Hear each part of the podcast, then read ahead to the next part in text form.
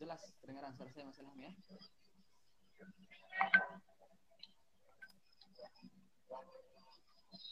Kedengaran Mas Ilham? Halo, halo. Halo, halo. Suaranya kecil ya? Suaranya kecil ya? Kecil ya? Iya, suaranya kecil. Iya, suaranya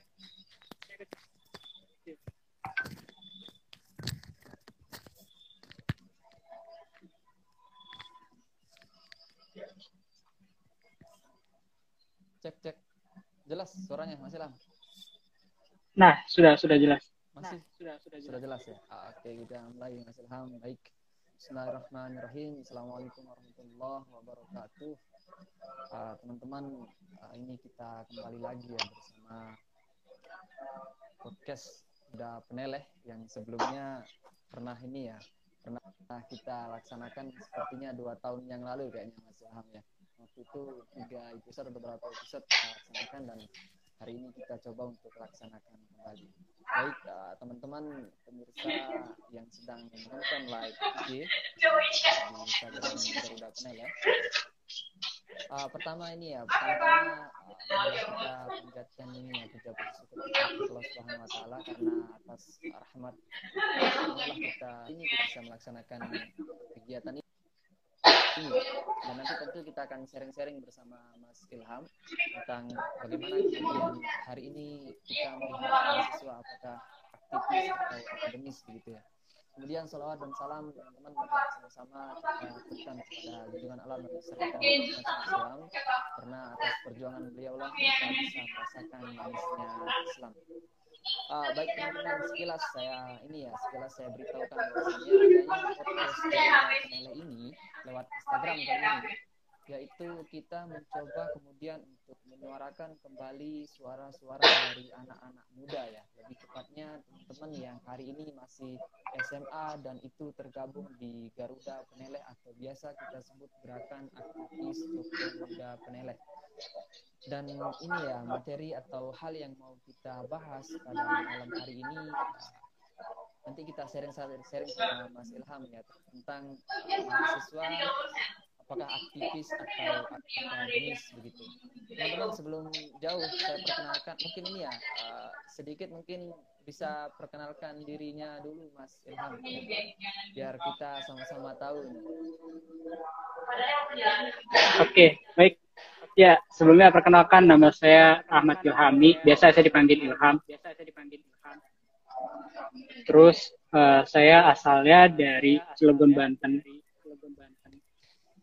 Tapi saya lahir di Serang. Enggak, enggak, enggak. Enggak, maksudnya di Serang.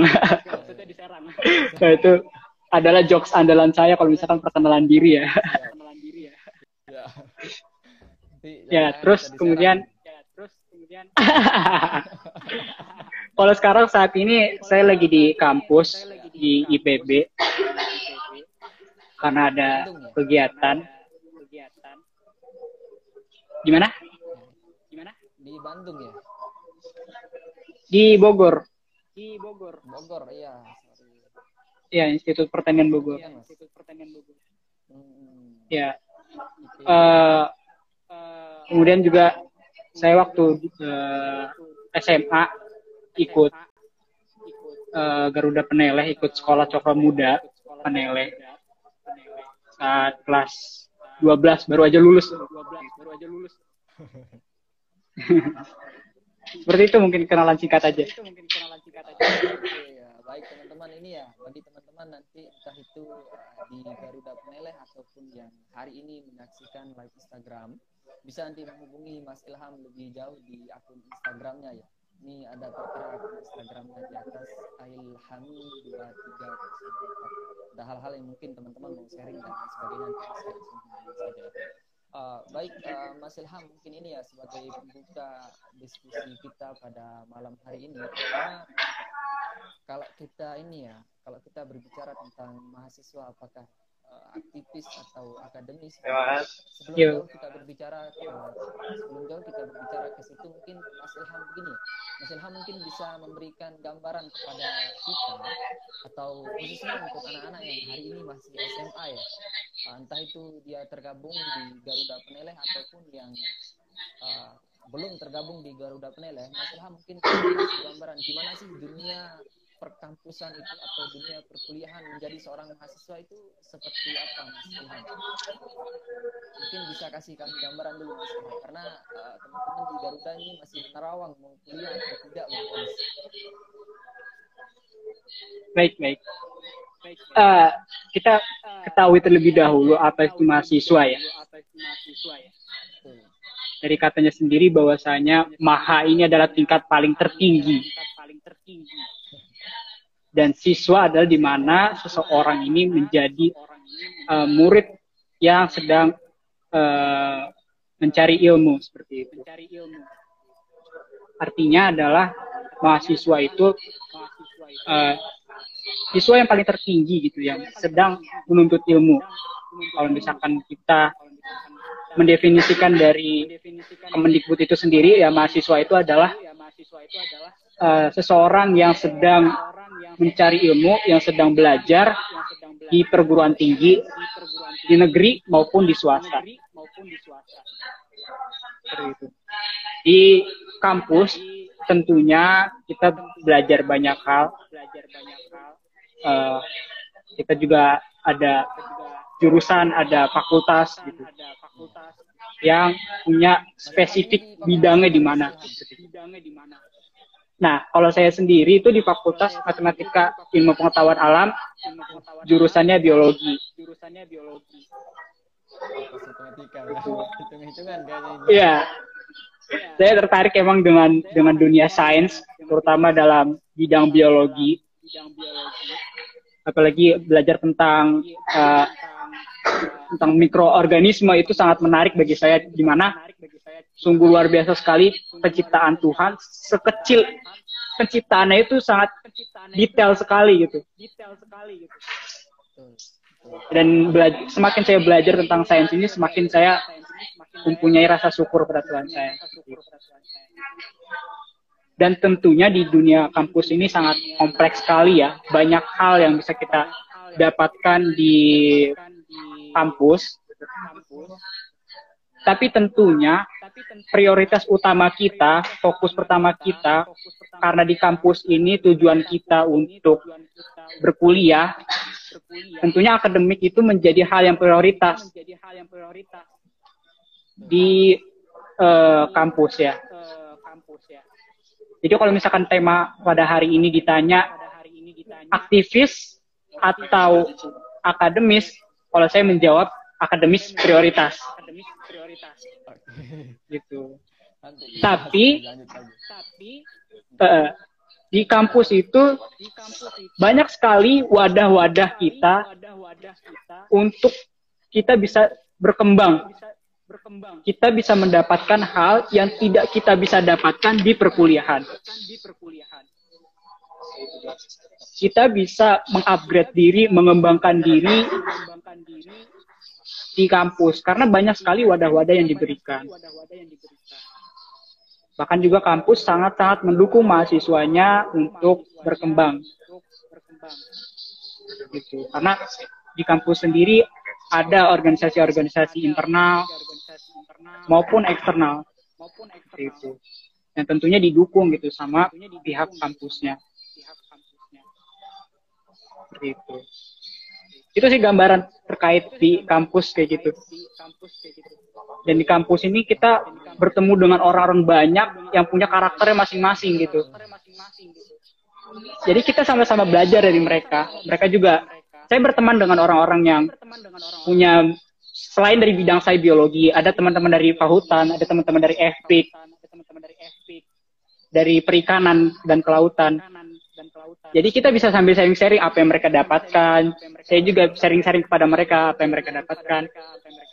Jadi kalau misalkan di kampus ini kita maksimalkan semaksimal mungkin untuk berinteraksi dengan sesama, bersosialisasi dengan sesama,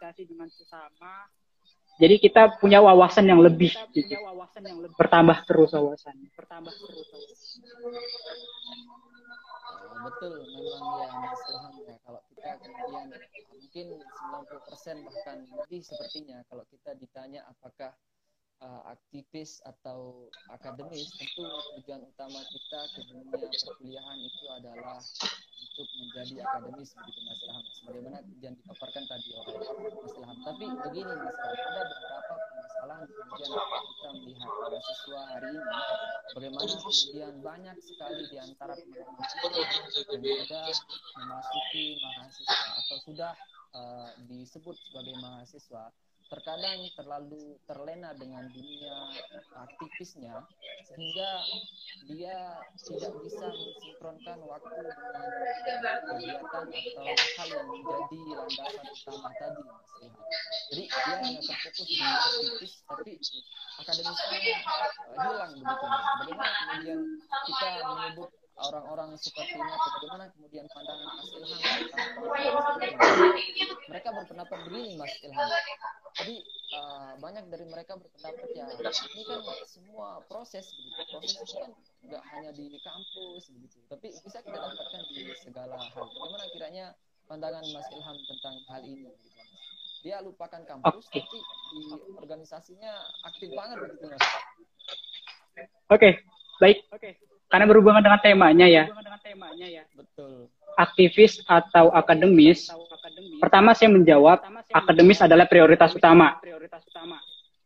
Karena kita tujuan untuk berkuliah adalah untuk mencari ilmu. Itu pertama. Yang kedua adalah uh, asal jangan memilih menjadi apatis. Gimana itu mas? Yang nah, apatis itu? Menjadi orang yang apatis adalah orang yang berbodoh amatan dari kedua hal itu akademis maupun aktivis. Kemudian juga uh, hal-hal yang berkaitan dengan kejadian sosial di masyarakat ya bodoh amat gitu. Nah itu hal yang harus kita hindari gitu. Silakan pilih aktivis maupun akademis, asalkan jangan memilih untuk menjadi seseorang yang apatis seperti itu. Kalau misalkan dari padekan saya sendiri, akademik terutama prioritas utama. Terus kalau misalkan sekiranya emang mau ngambil aktivis, ya kenapa tidak keduanya aja gitu. Jadi Anda bisa memilih tanpa harus menghilangkan salah satunya. Seperti itu. Jadi kenapa kalau misalkan kita bisa ambil keduanya ya kenapa nggak ambil keduanya gitu. Dan saya punya punya teman yang aktif dalam organisatorisnya, tapi akademiknya juga bagus. Bahkan juga mereka berprestasi, nilainya bagus, dan mereka juga berfokus pada akademiknya gitu selain untuk mengikuti kegiatan organisatorisnya. Tapi aktivis menjadi aktivis itu menjadi nilai tambah sebenarnya. Karena banyak sekali kita belajar di organisasi bagaimana memanajemen diri, memanajemen waktu, kemudian juga bagaimana menjadi seorang leader bagaimana kita meningkatkan skill kita berupa public speaking, kayak gitu. Banyak hal yang kita bisa dapatkan yang nggak didapatkan di perkuliahan, seperti itu. Dan kita juga jangan terlalu menghakimi sih sebenarnya sama orang yang nggak ikut sebagai aktivis gitu yang ikut organisasi. Uh, mungkin dia berfokus pada akademiknya, tapi turut juga menyebarkan kebermanfaatan gitu. Kalau kalau basic saya kan di bidang pergerakan gitu. Jadi di pergerakan itu ada yang namanya bergerakan secara horizontal dan juga secara vertikal. Kalau misalkan vertikal ini sebagai penyambung lidah rakyat gitu ya. Kalau misalkan horizontal, nah kalau horizontal itu uh, dia berfokus kepada turun langsung ke lapangan misalkan ke pengabdian masyarakat gitu. Bisa jadi orang yang mengambil sebagai akademik itu ya dia bergeraknya di situ gitu. Jadi jangan kita menghakimi seorang yang berfokus ke akademis dibilang wah dasar uh, bukan aktivis apatis gitu. Itu tidak boleh menghakimi. Tapi tentunya karena wadah ini banyak difasilitasi sama kampus, harus kita manfaatkan gitu. Apalagi mahasiswa ini kan uh, bukan sekedar lulus kuliah aja, tapi mahasiswa itu mempunyai peranan-peranan penting, terutama di dalam masyarakat. Gitu. Seperti yang kita ketahui bahwasanya mahasiswa itu sebagai agent of change, moral uh, moral value dan banyak sekali peranan-peranan penting di masyarakat seperti itu. Social control juga kemudian uh, banyak sekali gitu peranan di masyarakat. Jadi mahasiswa itu bukan hanya sekedar lulus kuliah aja gitu. Tapi itu tadi peranan pentingnya mahasiswa sebagai agen perubahan di masyarakat, sebagai menjaga nilai-nilai di masyarakat. Nah, ini juga menarik ya dari penilai sendiri punya fokus untuk menjaga nilai-nilai dari Pos Cokro Aminoto gitu. Ini sangat uh, harus terus dijaga gitu. Dan tentunya saya jadi teringat dari kata-kata Tan Malaka bahwa kemewahan terakhir di dalam diri pemuda adalah idealismenya gitu. Nah, sehingga kita perlu adanya yang menggerakkan untuk mempertahankan peranan tersebut, menjalankan uh, fungsi dan peranan tersebut, dan juga mempertahankan idealisme tersebut. Kayak gitu. Uh, jadi kesimpulan saya, silakan memilih untuk menjadi akademis maupun aktivis, tapi jangan menjadi apatis dan harus terus menjalankan fungsi dan peranannya, mempertahankan idealismenya, dan juga terus menebarkan kebermanfaatan ke antar sesama, ke masyarakat, dan kepada orang lain. Seperti itu. Ilham ya, kalau misalkan kita ditanya uh, terkait hal tadi aktivis atau akademis? Bagaimana jawaban dari Mas Ilham tadi? Kalau bisa kita mengimbangkan antara keduanya kenapa tidak begitu? Jadi ada pun plus yang kita dapatkan selain ilmu yang kita dapatkan di kampus kita juga dapatkan ilmu-ilmu yang tidak kita dapatkan di kampus yaitu melalui organisasi. Tapi menurut Mas Ilham kira-kira kalau kita mencoba untuk uh, melaksanakan keduanya ya kita berusaha untuk aktif di kampus tapi kita berusaha aktif di organisasi. Sekiranya menurut Mas Ilham itu uh, sulit untuk mengatur waktu entah waktu belajar di kampus waktu untuk berorganisasi dan lain sebagainya? Karena untuk memanage ini tentu tidak semua orang bisa Mas Ilham. Gimana menurut pandangan Mas Ilham? Kadang kebanyakan orang itu ya kita harus mengorbankan salah satu di antara keduanya. Padahal bagi kalau bagi saya Mas Ilham ya antara kedua aktivis dan akademis ini ya layaknya seperti kaki kita begitu Mas. Kalau salah satunya kita tinggalkan ya kita bisa jalan tapi tidak jalan seutuhnya. Gitu mungkin Mas. Kalau dari pandangan Mas Ilham kira-kira untuk memanage waktu itu di bagaimana Mas Ilham agar supaya kedua ini bisa tetap kita laksanakan gitu.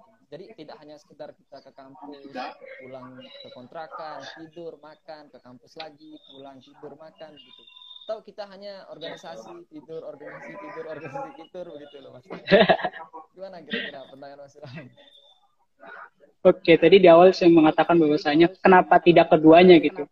Kenapa harus memilih satu, tapi menghilangkan salah satunya. Gitu. Kalau misalkan tadi pemisalan dari uh, Mas Ajis ini ya seperti kaki gitu. Kalau hanya satu saja kan nggak bisa berjalan dengan sempurna. Tapi tentu menjadi pertanyaan bagi kita semua, bagi kita semua, bagaimana sih kita bisa memanajemen ketika kita uh, mengambil keduanya akademis maupun aktivis. Ini menjadi permasalahan banyak orang sebenarnya. Banyak orang sebenarnya. Karena kan akademik sendiri udah punya kesibukan ya, punya kesibukan ya. Betul, Mas. Dan apalagi saya sendiri, apalagi saya uh, di bidang saya biologi bidang itu ada yang namanya praktikum. Itu ada namanya praktikum. Iya. Ya. Dan harus menyerahkan laporannya menyerahkan gitu. laporannya gitu. Lalu kemudian dalam seminggu Lalu itu dalam seminggu itu laporan itu saya bisa laporan sampai saya bisa sampai 4 sampai 5 laporan sampai dalam seminggu. Laporan dalam seminggu. Banyak sekali ya. Setiap hari ada laporan. iya, setiap nah, hari ada laporan. Kiranya Mas Ilham, uh, uh, karena kegiatan di kampus begitu padat, gimana sekiranya dengan organisasi Mas Ilham yang tadi gitu? Nah, uh, kita harus sama-sama belajar bagaimana memanajemen waktu. Bagaimana memanajemen waktu. Dan uh, saya walaupun dalam kesibukan ini ya, dalam kesibukan ini ya, ngerjain tugas, ngerjain tugas. Tapi saya bisa membagi-bagi waktu itu. Membagi-bagi waktu itu. Jadi saya prioritaskan mana yang saya selesaikan terlebih dahulu. Selesaikan terlebih dahulu. Seperti itu. Jadi harus bisa dibagi prioritasnya. Harus bisa dibagi prioritasnya ini kita ngerjain ini dulu, ini kita ngerjain baru ngerjain ini, ini, baru ngerjain ini. Jadi harus rapi dan juga Jadi terstruktur gitu. Dan juga terstruktur gitu. Jadi kalau misalkan saya sendiri Jadi ngebuat saya sendiri uh, to do list, uh, to do list. Jadi saya buat list hal yang saya harus lakukan, yang saya harus lakukan. Dan saya kalau misalkan udah ngerjakan ya saya checklist, checklist, checklist seperti itu. Checklist, checklist seperti itu. Jadi uh, harus bisa membagi-bagi waktunya. membagi-bagi waktunya. Dan juga kalau misalkan kita untuk mengikuti organisasi, mengikuti organisasi harus punya plannya juga, jangan asal masuk aja juga, gitu. Jangan asal masuk aja gitu. Jadi plan ke depannya dalam plan ke depannya berorganisasi dalam, nanti kira-kira mengganggu akademiknya apa enggak? Mengganggu akademiknya apa enggak? Itu harus dipikirkan dari awal. harus dipikirkan dari itu. awal seperti itu. Dan tentunya dalam menjalankan tentunya dalam organisasi ini juga ya, organisasi ya, ini juga ya, harus punya big why-nya. Harus punya big why-nya. Kenapa dia harus ikut dalam organisasi tersebut? Dalam organisasi tersebut. Sehingga kalau dalam menjalankan organisasi ya enjoy enjoy aja gitu, senang senang aja, gitu, senang senang aja. Tidak merasa terbebani, dan akhirnya mengganggu akademika ini. Mengganggu akademika ini aktivis ini menjadi aktivis ini menjadi stigma yang buruk ya. Stigma yang buruk ya. Betul. Karena ada beberapa aktivis di mana beberapa aktivis di mana dia aktif di organisasi dia tapi tidak bertanggung jawab di akademiknya. Bertanggung jawab di akademiknya. Kayak misalkan dia nih saat aktif di organisasi tapi ketika kerja kelompok, ketika kerja kelompok dia hilang-hilangan. Dia hilang-hilangan. Betul. Nah ini harus harus nah, hal yang dihindarkan harus seperti hal ini. yang dihindarkan seperti ini gitu dan dalam di organisasi itu dalam dia harus menerapkan suatu sistem menerapkan suatu sistem yang bisa menciptakan dalam yang bisa belajar berorganisasi itu belajar sehat gitu. berorganisasi gitu. itu sehat gitu jadi dia punya plan waktunya. Punya plan waktu. Ya ya gimana itu mas? Jangan jangan rapat jangan, sampai malam-malam. sampai malam-malam. Begadang gitu. Tapi nggak punya hasilnya. Nggak ada hasilnya. nggak ada hasilnya. Gitu. Jadi dalam organisasi juga harus jadi dalam organisasi juga harus terstruktur gitu. Terstruktur, punya sistemnya. gitu. punya sistemnya jadi tidak akan mengganggu si akademik tidak akan mengganggu si akademik karena kita udah mempersiapkan hal tersebut. Kita udah mempersiapkan hal tersebut.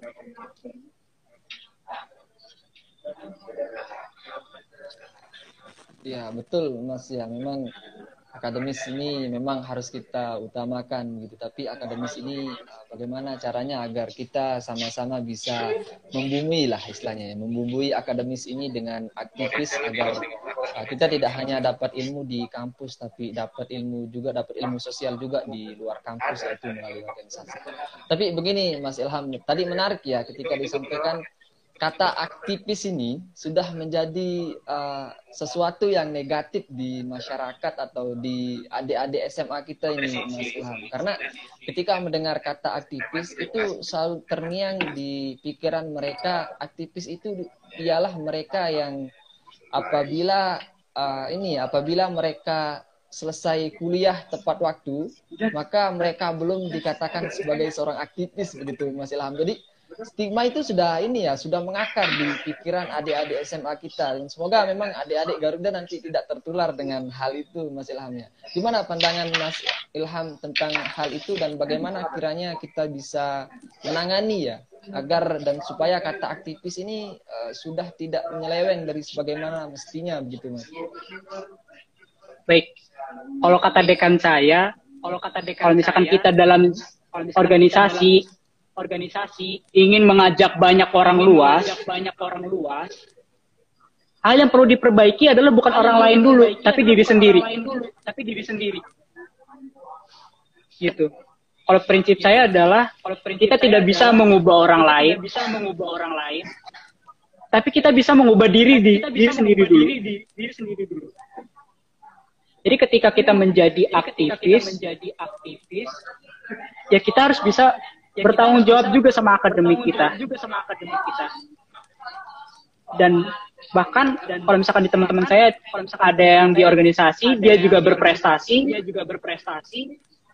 Sehingga ketika dia mengajak orang lain orang lain percaya gitu. orang lain percaya gitu. Karena diri dia sendiri yang mengajak ini ya dia berprestasi gitu. dia berprestasi gitu. Ketimbang dia mengajak orang-orang tapi sendirinya aja akademik saya aja nggak peduli. Aja akademik saya aja nggak peduli. Ayo ke, ikut kegiatan ini ini. Dijamin menambah prestasi anda gitu. menambah prestasi anda gitu. Bahkan dia sendiri aja dia tidak sendiri bertanggung jawab kepada akademiknya. bertanggung jawab kepada akademiknya. Gitu. Jadi, uh, perlu kita uh, perlu kita garis bawahi bahwasanya kalau misalkan kalau misalkan kita menjadi kita aktivis menjadi ya jangan lupa aktivis, tanggung jawab ya utamanya. lupa, tanggung jawab utamanya. Gitu. Gitu. Sehingga tidak ada lagi namanya stigma. tidak ada lagi namanya stigma. Stigma yang buruk kepada dunia aktivis. kepada dunia aktivis. Karena memang itu yang kita lihat sekarang Mas Ilham ya kata aktivis itu sudah tercoreng dari mana mana aslinya begitu mas. Karena kebanyakan memang yang kita lihat hari ini di di lapangan ya kebanyakan dari teman-teman kita itu belum selesai di akademisnya tapi di aktivisnya dia sudah bergerak jauh-jauh sangat jauh begitu mas ya. Sampai jam terbangnya itu padat sekali mas. Tapi kira-kira untuk ini ya mas Ilham pandangan mas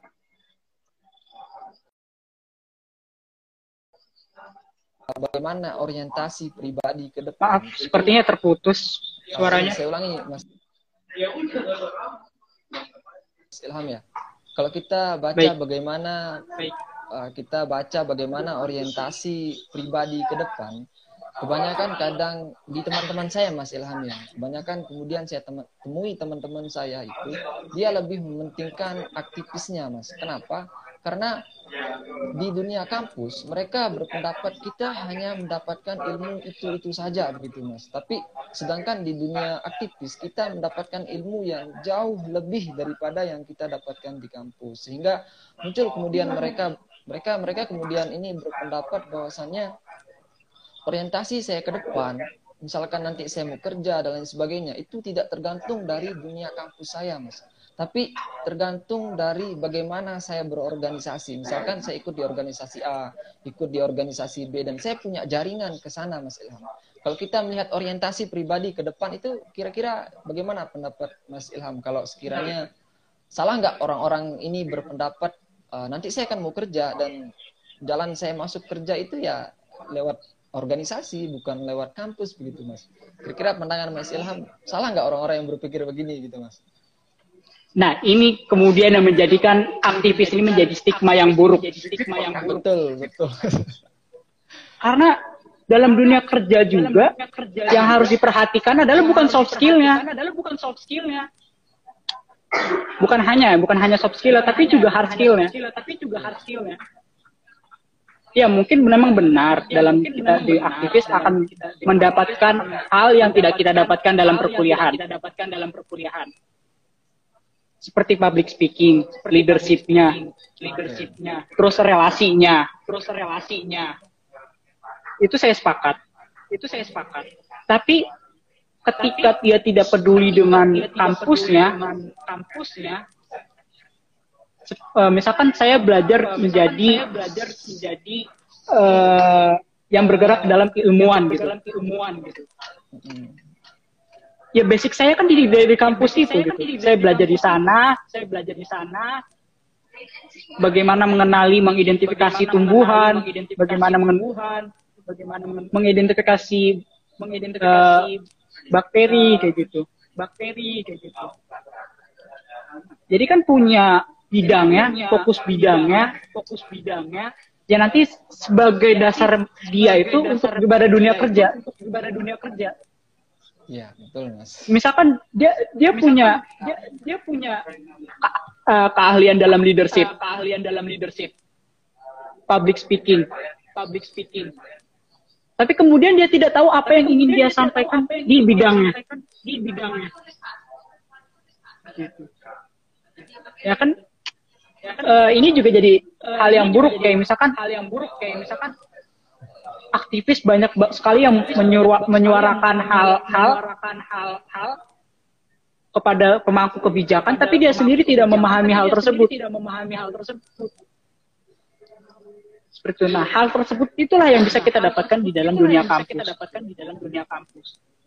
Kita belajar di sana, kita seperti seperti kalau di masing-masing fakultas sendiri kan punya keilmuan gitu. Kan punya keilmuan gitu. Teman-teman saya ada yang bergerak dalam menyuarakan aspirasi-aspirasi, aspirasi-aspirasi, menyuarakan kebijakan-kebijakan yang dirasanya menyeleweng seperti itu. seperti itu. Tapi dia punya basicnya karena dia basicnya karena dia fokus kepada di bidangnya kehutanan, belajar di kampus, belajar di kampus seperti itu.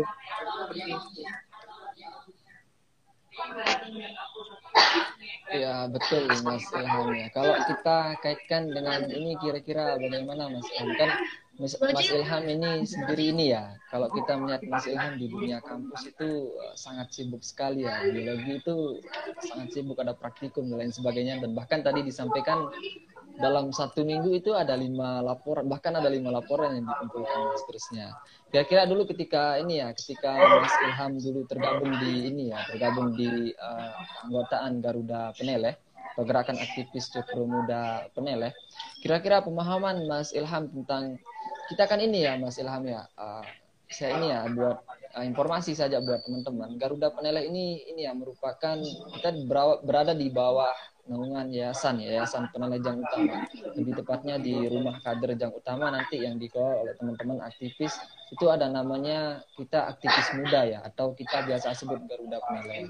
Nah, yang melandasi kemudian adanya ini adalah salah satunya salah satunya adalah terilhami yang sesuai nama pemantiknya ini ya terilhami terilhami dari gerak dan juangnya Pak Cokro Aminoto begitu Mas Ilham ya bagaimana kemudian Pak Cokro Aminoto dulu mendidik kader-kadernya uh, kader ini ya kader secara ideologis sehingga bisa kemudian Indonesia ini dapat merdeka. Kira-kira dulu Pak Cokro gimana Mas dalam uh, dalam ini ya dalam penerapan uh, organisasi yang ia terapkan. Kita tahu sama-sama tahu ya Mas Cokro Amin itu ini ini ya pimpinan SI waktu, waktu itu ya Syarikat uh, Islam ya. Bagaimana kemudian beliau waktu itu bisa mengkronkan antara uh, dikaderisasi atau membuat kaderisasi di organisasi dan satu sisi dia bisa kemudian uh, memperdalam ilmunya sendiri melalui dunia uh, dunia kampus begitu Mas Ilham ya. Gimana uh, ini Mas Ilham tentang hal itu? Tentunya menjadi hal yang perlu kita perlu contoh dari Hoco Kraminoto adalah Hoco Kraminoto adalah kepekaan sosial yang tinggi. Kepekaan sosial yang tinggi. Gitu. Jadi saat masa Jadi, kecil aja sudah masa kecil peka aja terhadap sosial gitu. Terhadap sosial gitu. Tahu permasalahan sosial yang dihadapi, sosial yang dihadapi, merasa simpati dan juga empati terhadap dan juga empati permasalahan sosial tersebut. Permasalahan sosial tersebut. Nah, kita sebagai mahasiswa seperti itulah harus bisa harus memiliki kepekaan sosial terhadap sekelilingnya, terhadap sekelilingnya di dunia kampus dulu deh, nggak usah lebar-lebar ke masyarakat. lebar-lebar ke masyarakat. Nah, hal inilah yang nah, menjadi hal inilah yang menjadi uh, hal yang kita uh, perlu contoh gitu dari host Cokraminoto. Gitu dari host Cokraminoto. dia memiliki nilai kepekaan sosial yang tinggi. sosial yang tinggi. Dan walaupun sebenarnya dia adalah sebenarnya dia adalah keturunan bangsawan. Keturunan gitu. bangsawan. Iya. Tapi dia ya. tetap merendah bersama dengan masyarakat. Bersama dengan masyarakat. Nah ini harus yang perlu kita contoh kita itu. Contoh itu jangan mentang-mentang kita sebagai mahasiswa yang dianggap sebagai dianggap sebagai uh, yang memiliki nilai intelektualitas tinggi, intelektualitas tinggi kita bersikap sombong kayak gitu. Bersikap sombong kayak gitu. Dan tidak peduli gitu tidak terhadap permasalahan yang dihadapi oleh masyarakat. Yang dihadapi oleh masyarakat. Seperti itu. Seperti itu. Uh, betul memang Mas Mas Ilham ya. Dari kecil memang kalau kita ini ya kalau kita uh, melihat sejarahnya bagaimana uh, Haji Umar Said Cokroamin itu waktu itu dari ini ya sejarah dari masa mudanya sampai ia menjadi pimpinan Syarikat Islam dan bahkan bisa ini ya bisa murid-muridnya bisa memproklamirkan tiga kali kemerdekaan untuk Indonesia begitu dan yang ini ya yang kita kenal sama-sama ada Muso kemudian uh, Soekarno, Kartosuryo dan uh, lain-lainnya itu merupakan murid secara ideologisnya begitu. Tapi dulu kan kita sama-sama tahu Mas Ilham uh, selain kemudian dia fokus atau dia bisa melakukan kaderisasi, mempersiapkan kaderisasi untuk uh, di organisasi secara dunia akademis juga Pak Joko kita sama-sama tahu dia merupakan atau dia merupakan orang-orang yang ini ya orang yang akademisnya sudah selesai atau dia yang mementingkan akademisnya juga. Nah kira-kira uh, Mas Ilham selain ini ya selain kepekaan sosial tadi kira-kira Mas Ilham dalam dewasa ini kita melihat bahwasanya uh, orang selalu berpendapat uh, bahwa organisasi itu adalah sesuatu yang bisa menghambat akademis, Mas Ilham. Ini uh, tadi yang pertama itu akademis yang menghambat organisasi atau organisasi yang lebih penting uh, daripada akademis. Kiranya kalau orang-orang yang uh, nanti atau sebelumnya berpendapat akademis itu adalah sesuatu yang mutlak dan organisasi itu adalah sesuatu yang ini ya, sesuatu yang uh, tidak penting untuk kita laksanakan. Padahal sebagaimana tadi Mas Ilham juga menyampaikan ya, organisasi ini juga sesuatu sesuatu hal yang penting. Kira-kira kalau kita menemukan orang-orang yang seperti ini Mas Ilham atau dia begini ya, saya punya teman begini Mas Ilham, saya punya teman secara akademis uh, nilainya selalu A begitu Mas Ilham. Tapi ketika kemudian kita bertemu di ruang di ruang-ruang non formal, di ruang-ruang non kelas, ya bahkan kesulitan untuk melatih berbicaranya gitu Mas Ilham. Apakah memang antara aktivis dan akademis ini adalah sesuatu yang tidak bisa dipisahkan? Atau bisa kita pisahkan, tapi bagaimana caranya agar saya terlihat akademis, tapi mampu mengembangkan orang-orang yang aktivis begitu Mas Ilham? Oke, baik. Pertama yang terkait Hostokraminoto dulu ya. Padarisasi. Padarisasi. Seperti yang kita ketahui bahwasanya Hostokraminoto itu melahirkan murid-murid hebat, hebat. Salah satunya adalah Bapak Proklamator Kemerdekaan kita. Proklamator Kemerdekaan kita. Tadi saya sudah singgung di awal bahwasanya bahwasanya untuk membentuk kaderisasi yang bagus ya kita memberikan contoh atau teladan terlebih dahulu. atau teladan terlebih dahulu. Contohnya adalah Cokro House contohnya apa House Cokro Aminoto ini. House Cokro Aminoto ini. Beliau ini adalah ini ahli dalam adalah ahli dalam public speakingnya. Public speakingnya. Betul. Lalu kemudian Soekarno itu mengikuti House Cokro Aminoto. House Cokro Aminoto jadi dalam waktu senggangnya Soekarno itu suka sekali itu suka sekali uh, berorasi seperti itu, mengikuti si Osokrominato. Si Osokrominato. Seperti itu. Ya kalau misalkan mau ingin melahirkan kaderisasi, kita bentuk dalam diri ters, uh, diri sendiri dulu gitu. Nah, diri sendiri dulu gitu. Tingkatkan kualitas diri sendiri, kualitas baru kita juga diri, bisa mengkaderisasi generasi seterusnya. Generasi seterusnya. Itu dan kita ingin mengkaderisasi, kita ingin mengkaderisasi ya tentunya ya tentunya wawasan kita, pengetahuan wawasan kita, kita, pengetahuan kita juga harus luas gitu. Juga harus luas gitu. Cokro Amino tuh wawasannya sangat luas sekali, suka membaca buku, suka membaca buku. Sehingga murid-muridnya juga ikut membaca buku, wawasannya juga luas. Wawasannya juga luas. Itu hal yang utama, harus bisa mencontohkan terlebih dahulu. Harus bisa mencontohkan terlebih dahulu. Lalu kemudian, lalu yang kedua terkait, yang kedua terkait uh, ada seorang yang berfokus pada akademis, berfokus pada akademis, nilainya A terus, nilainya A terus. Iya. Tapi ketika mementingkan nilai, ya, diminta mas. untuk diminta ya. untuk diminta ya. untuk berbicara diminta di untuk berbicara di uh, muka umum, dia tidak berani muka tampil umum, gitu. Dia tidak berani tampil gitu. Nah, inilah uh, kemudian, inilah, uh, kemudian jangan hanya memperhatikan nilai akademiknya aja. Nilai akademiknya aja. Gitu tapi juga coba tapi juga untuk coba meng untuk mengupgrade diri. Upgrade diri. Dengan ikut kegiatan lainnya yang melatih. lainnya yang melatih. si soft skillnya dia. Si soft skillnya dia. Ya makanya tadi kan disebutkan bahwasanya tadi kan disebut dalam aktivis ini menjadi nilai, nilai tambah nilai, nilai tambah di mana soft skill kita terus terupgrade. kita terus terupgrade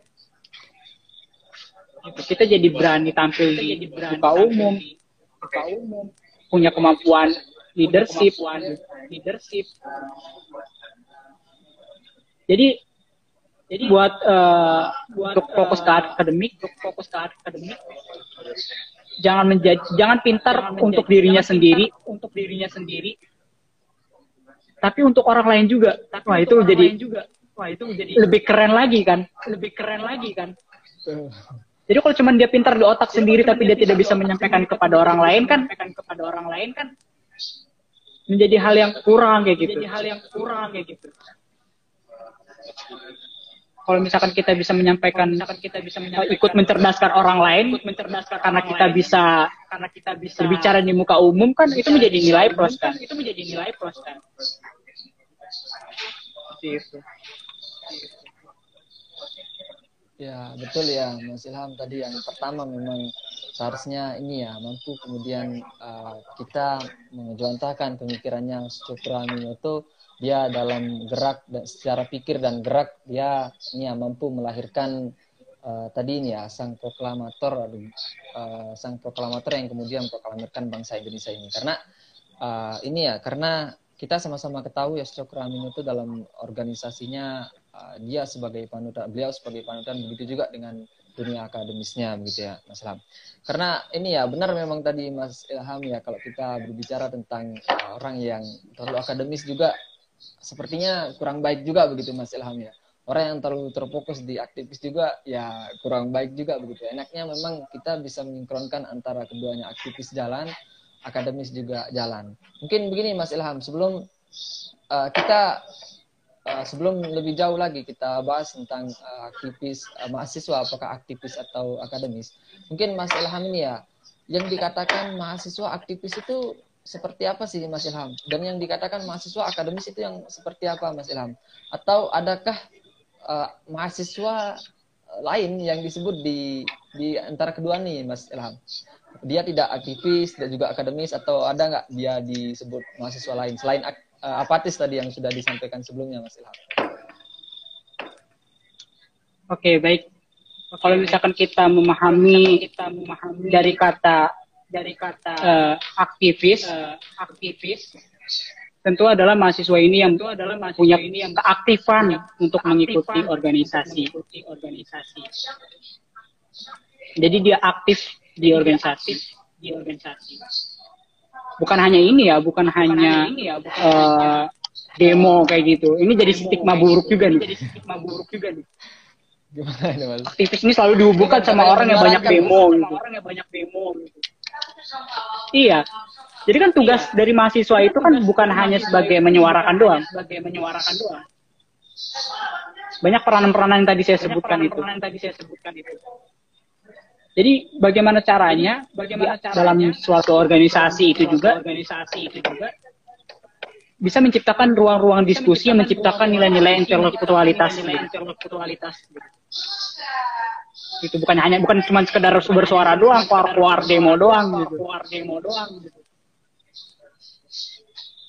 Uh, terus kemudian berikutnya adalah berikutnya adalah apakah ada mahasiswa lainnya gitu mahasiswa antara akademis? gitu antara akademis atau, atau uh, afid, apa aktivis? apa aktivis?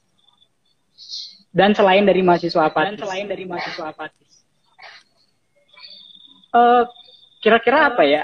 Kira-kira apa ya? Selain daripada mahasiswa itu. pada mahasiswa itu mungkin dia yang ini ya misalnya dia yang apatis enggak begitu. Dia yang aktivis juga enggak dia yang akademis juga enggak begitu. Jadi ya hanya sekedar senang-senang atau tidak memikirkan hal itu gitu. Hanya sibuk dengan dunianya sendiri mungkin masalahnya itu termasuk mahasiswa apatis termasuk yang saya tadi namakan di awal gitu. tadi namakan di awal gitu. Hmm.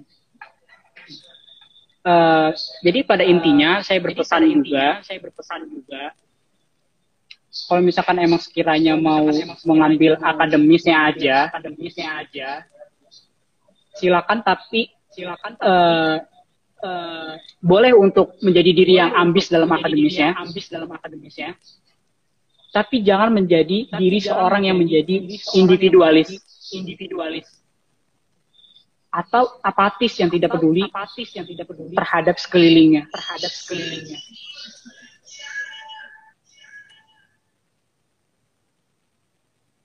Fokus kepada aktivisnya ya jangan lupa tanggung jawab. Oh, mas, dan mas, fokus mas. jangan lupa untuk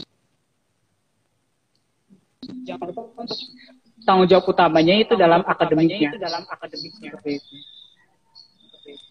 Dan bagusnya sih kenapa nggak bisa dan bagusnya sih kenapa nggak bisa kenapa nggak ambil keduanya gitu? Kenapa nggak ambil keduanya gitu? Iya.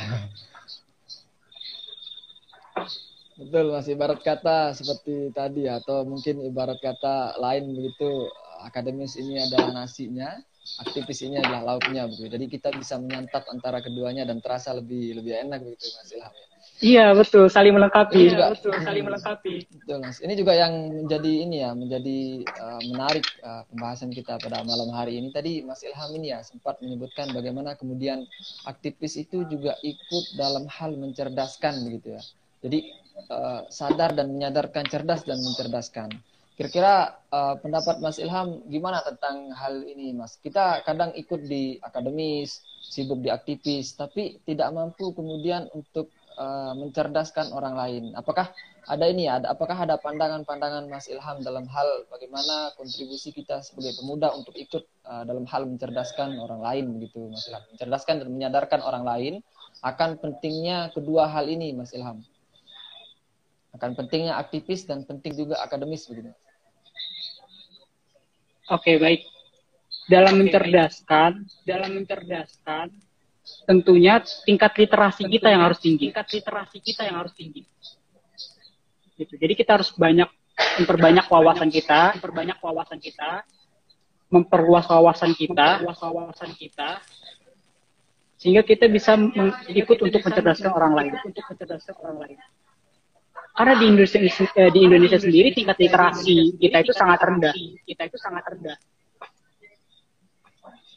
Uh, uh, urutan urutan ke 38 dari 40 negara bahkan ya. 40 negara bahkan ya. Jadi kita juga dalam mencerdaskan ya kita terus mencerdaskan ya kita tingkatkan literasi kita. Tingkatkan literasi kita. Ada adakan diskusi, adakan diskusi banyak membaca buku, banyak membaca buku. Dan itu tadi jangan tinggalkan akademiknya gitu. Tinggalkan akademiknya gitu. Karena kita punya basic keilmuan di bidang itu ya kita dapatkan di akademiknya. Kita dapatkan di akademiknya. Jadi kita bisa menyampaikan karena kita, kita sudah tahu gitu. Kita sudah tahu gitu. Jadi kita harus punya basic terlebih dahulu dalam menyampaikan terlebih dahulu kepada orang banyak, kepada orang banyak.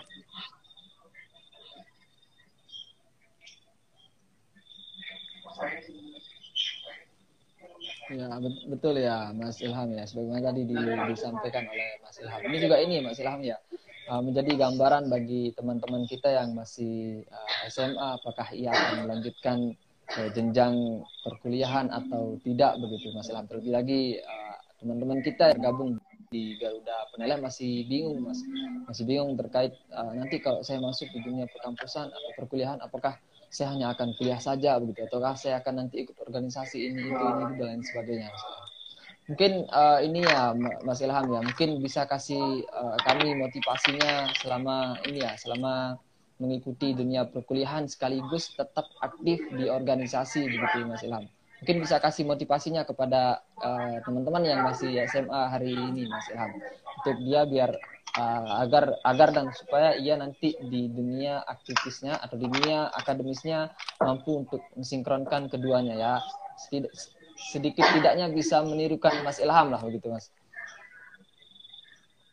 Oke siap.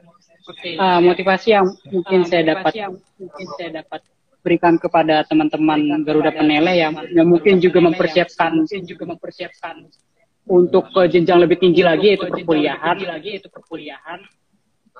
Silakan teman-teman untuk mengeksplor diri. mengeksplor diri. Karena di kampus ini sangat banyak sekali wadah yang diberikan. Kita juga punya kita juga beragam orang, beragam orang, beragam karakter, beragam karakter, dan juga beragam uh, kemampuannya juga, kemampuannya juga. Sehingga kita juga harus memperluas relasi kita, relasi kita, interaksi kita, interaksi kita agar dapat memperluas wawasan kita juga. Memperluas wawasan kita juga.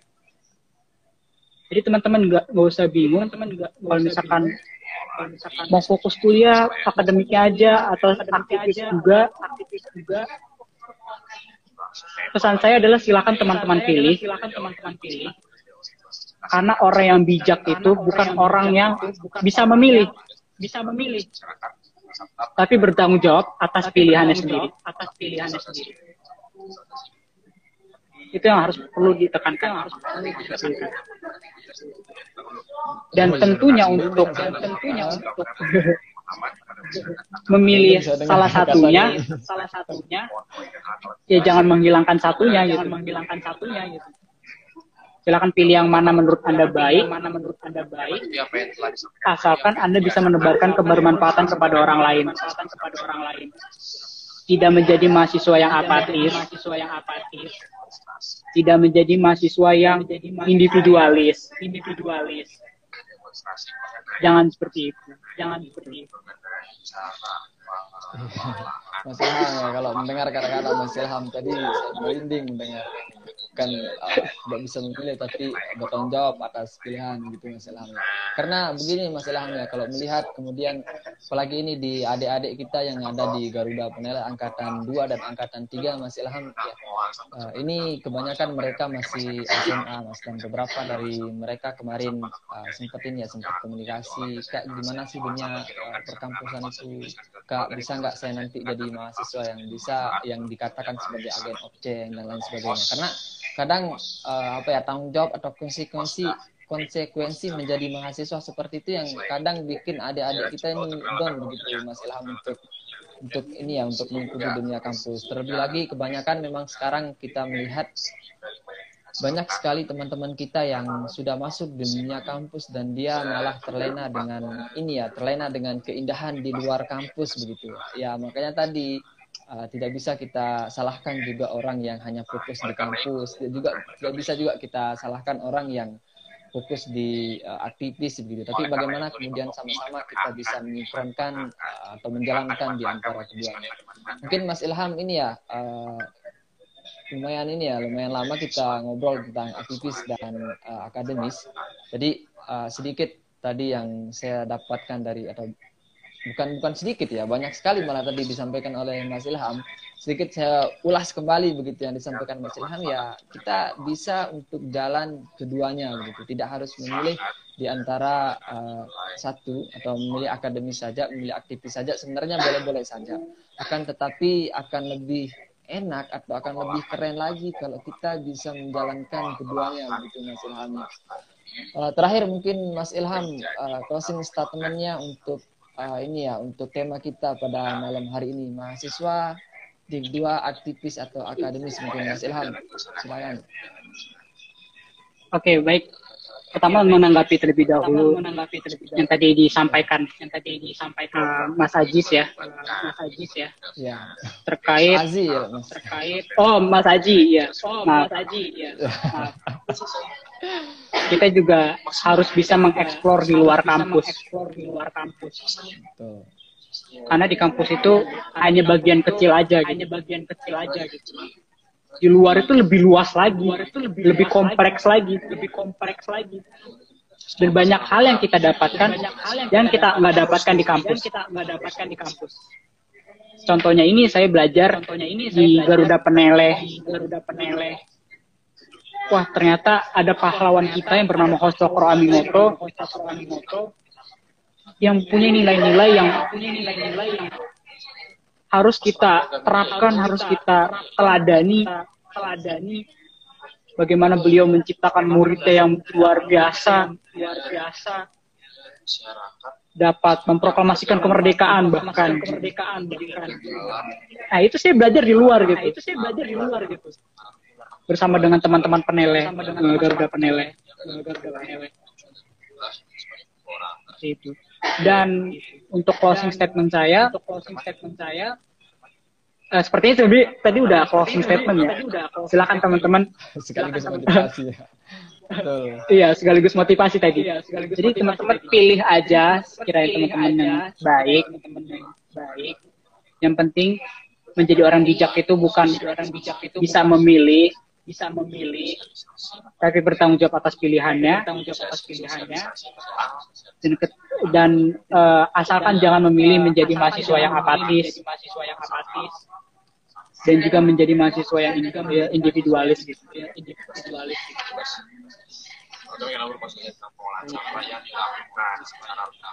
Ya, makasih Mas Ilham ya untuk closing statementnya.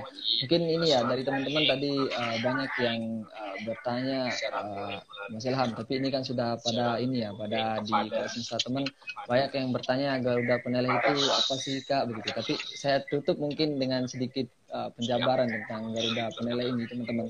Garuda Peneleh ini adalah jenjang kaderisasi yang berada di uh, ini ya di aktivis Peneleh. Nanti teman-teman yang yang kepo tentang Garuda Peneleh ini nanti bisa uh, kontak di Instagram, bisa langsung DM Instagram Garuda Peneleh Uh, kita ini ya, kita jenjang kaderisasi di tingkat anak-anak SMA. Ini Mas Ilham salah satunya angkatan Garuda Peneleh pertama Mas Ilham ya. Waktu itu 2020 Mas Ilham, betul ya? Iya kayaknya baru saya lulus 2020 iya, itu. Baru saya lulus 2020 itu.